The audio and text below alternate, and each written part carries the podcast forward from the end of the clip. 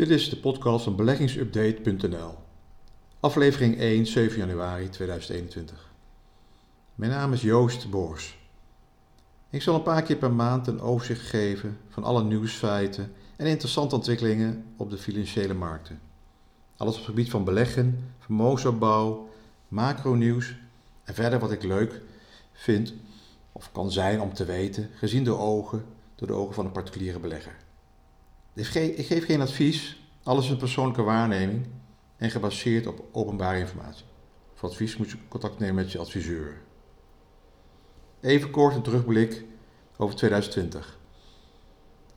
Wat was dat een heftig, spannend jaar.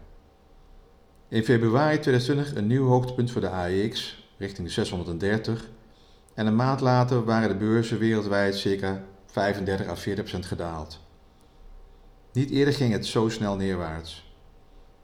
Dit alles door de eerste lockdown vanwege COVID-19.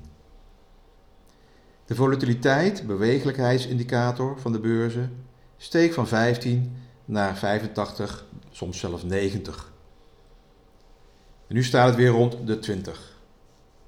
Het bleef het hele jaar onrustig. Door snel ingrijpen van centrale banken met als quotes whatever it takes, kwam er een einde aan de daling en startte er vanaf april een negen maanden durende stijging. De stijging versnelde in oktober, november door positieve nieuws over het vaccin en de presidentsverkiezingen in Amerika. In Amerika stegen de beurzen van het dieptepunt tot heden circa 70 procent. En in Europa was het gemiddeld 55% van laag naar hoog. De sloot 2020 af met een kleine winst. Toch bijna als beste van Europa.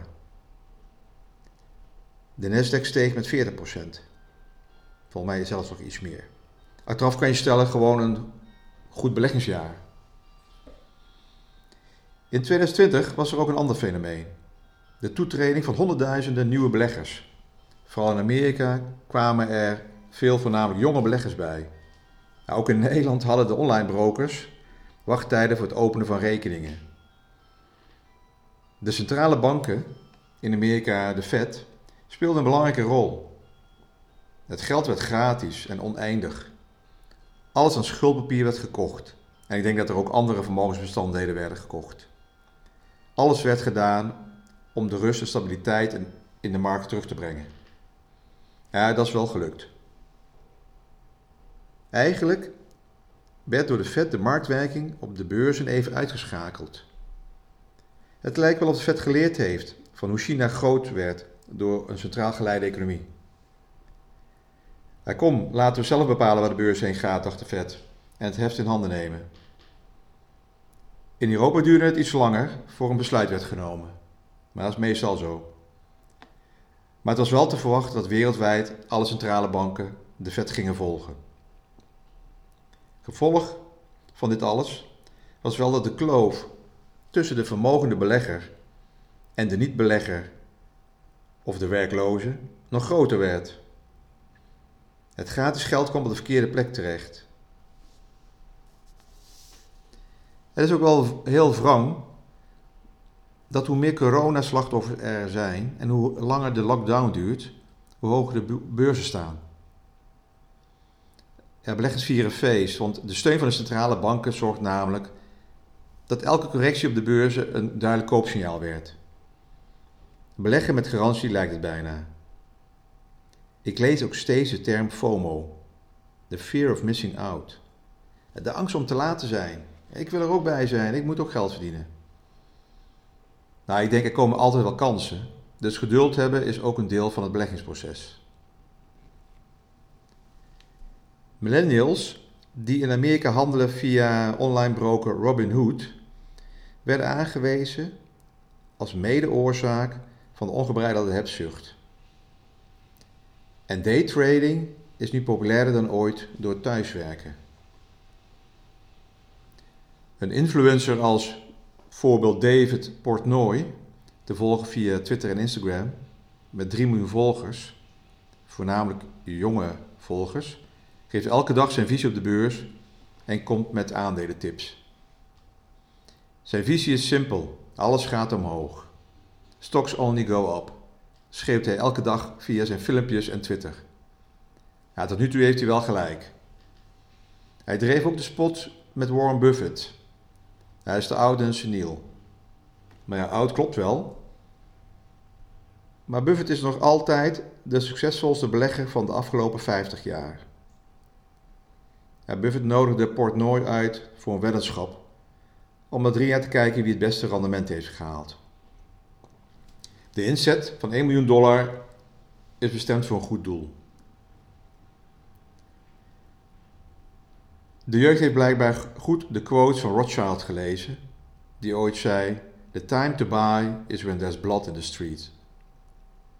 Nou weet ik uit ervaring van veel particulieren dat zij liquiditeit hebben om te kopen als er een daling is.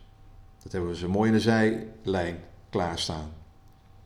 Maar op het moment dat de daling er is, bevriezen ze en durven het niet. Het kan nog lager, wordt er dan gezegd. Ja, angst overheerst dan om in te stappen.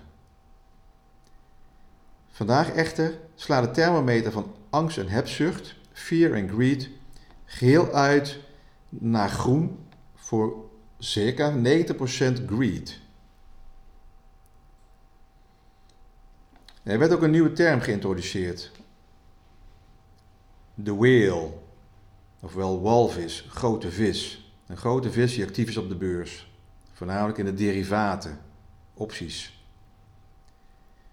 Naast nieuwe beleggers zijn het ook de grote investeerders die dan actief zijn. Als zo'n walvis werd genoemd het Japanse investeringshuis SoftBank, die volgens de kranten voor circa 4 miljard aan optieposities had ingenomen op verschillende bedrijven genoteerd aan de Nasdaq. De beurzen raakten verder ook niet van slag door de fraude bij Wirecard. Het is een betaalbedrijf in Duitsland, concurrent van Adyen en de manipulatie bij Nicola. Elektrische vrachtwagens. Ja, die waren wel elektrisch, maar die konden alleen maar bergafwaarts rijden. Dus hadden nog even een zetje nodig. Miljarden verdampten. Maar beleggers gingen rustig door. Dit was wel anders in 2001, toen Enron, een energiegigant in Amerika, door boekhoudfraude failliet ging. Dat had wel impact op de beurzen. Maar ja, toen was er ook geen overvloed aan gratis geld. Er is wel trouwens een goede film over gemaakt. Enron the Movie. Oké, de sectoren. Welke sectoren deden nou goed in 2020? Nou, er staat één sector stijf bovenaan, is de technologie sector. En vooral de grootste bedrijven, Microsoft, Tesla, Amazon, Apple, Netflix, Nvidia, Alphabet, noem ze maar op. Die zorgen voor een ononderbroken stijging van de Nasdaq. Ja, snap wel dat technologie het goed doet. Door alle thuiswerken moest iedereen een nieuwe printer, software hebben, laptops, beveiligingssystemen, videoconferencing, Zoom werd populair. Daar moest apparatuur voor worden aangeschaft. Dus dat zorgde voor een enorme omzetstijging. Door de lockdown is het ook logisch dat er meer thuisbezorgmaaltijden besteld werden. We gingen niet meer uh, uit eten, maar we kochten alles bij takeaway, just takeaway, just eat. En we gingen massaal series kijken via Netflix en online shoppen bij Amazon.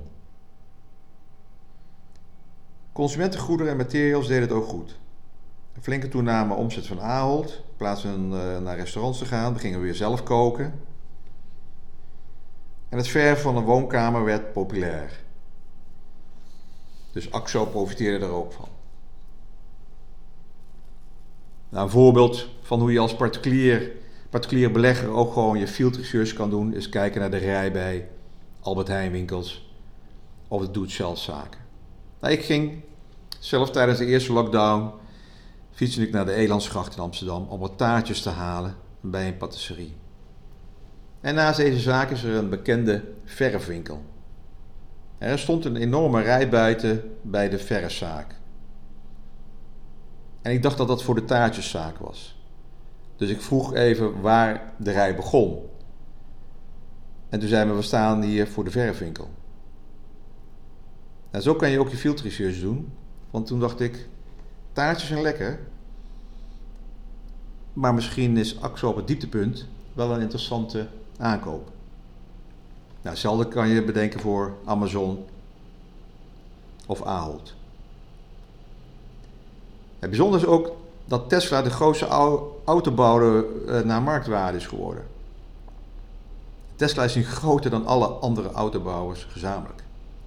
En dit dankzij de koersstijging van 700% in 2020. Iedereen heeft wel over de stijging van Bitcoin, maar de stijging van Tesla is veel sneller en veel verder gegaan. Nou, welke sectoren deden het slecht? Dat waren de financials, de financiële waarden, banken, verzekeraars. Onroerend goed, hè, commercieel vastgoed. En de energiesector. Olieprijzen waren nog net iets volatieler dan aandelen. In maart, april had niemand interesse in olie. We reden ook niet meer, we zaten toch thuis. En daardoor ging de prijs technisch richting de nul in het termijncontract. Een daling van circa 80%. Het aandeel Shell in Amsterdam daalde van circa 26 euro naar 10 en staat nu weer zo'n 15 à 16 euro.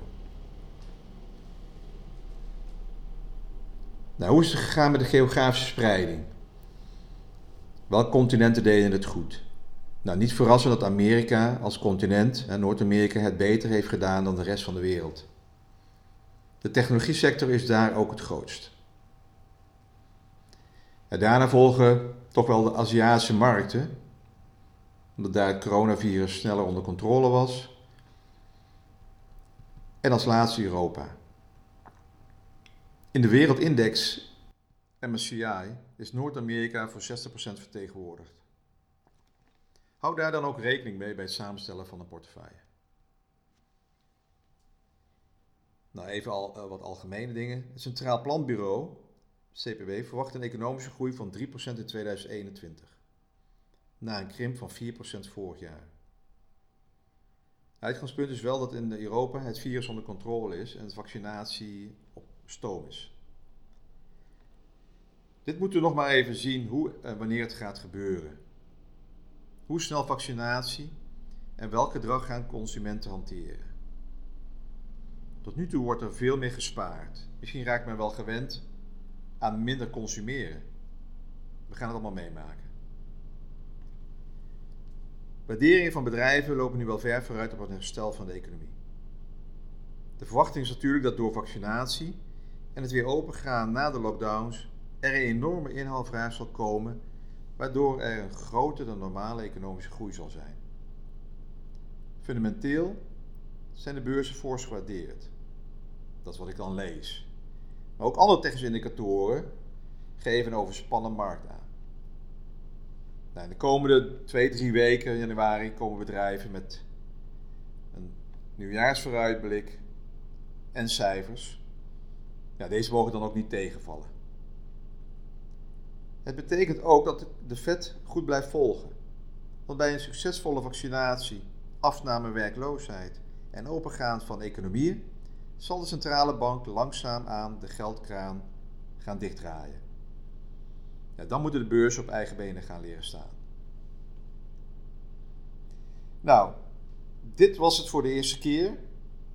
Volgende keer wat vooruitblikken 2021, wat ik allemaal gelezen heb hierover. En ik zou het leuk vinden als ik wat feedback krijg. Indien jullie specifieke onderwerpen willen horen en of vragen hebben, stuur me dan een mail naar info.beleggingsupdate.nl. Nou, verder kan ik aan deze podcast natuurlijk kan aan deze podcast geen rechten worden ontleend. Groeten, bedankt voor het luisteren en tot de volgende keer.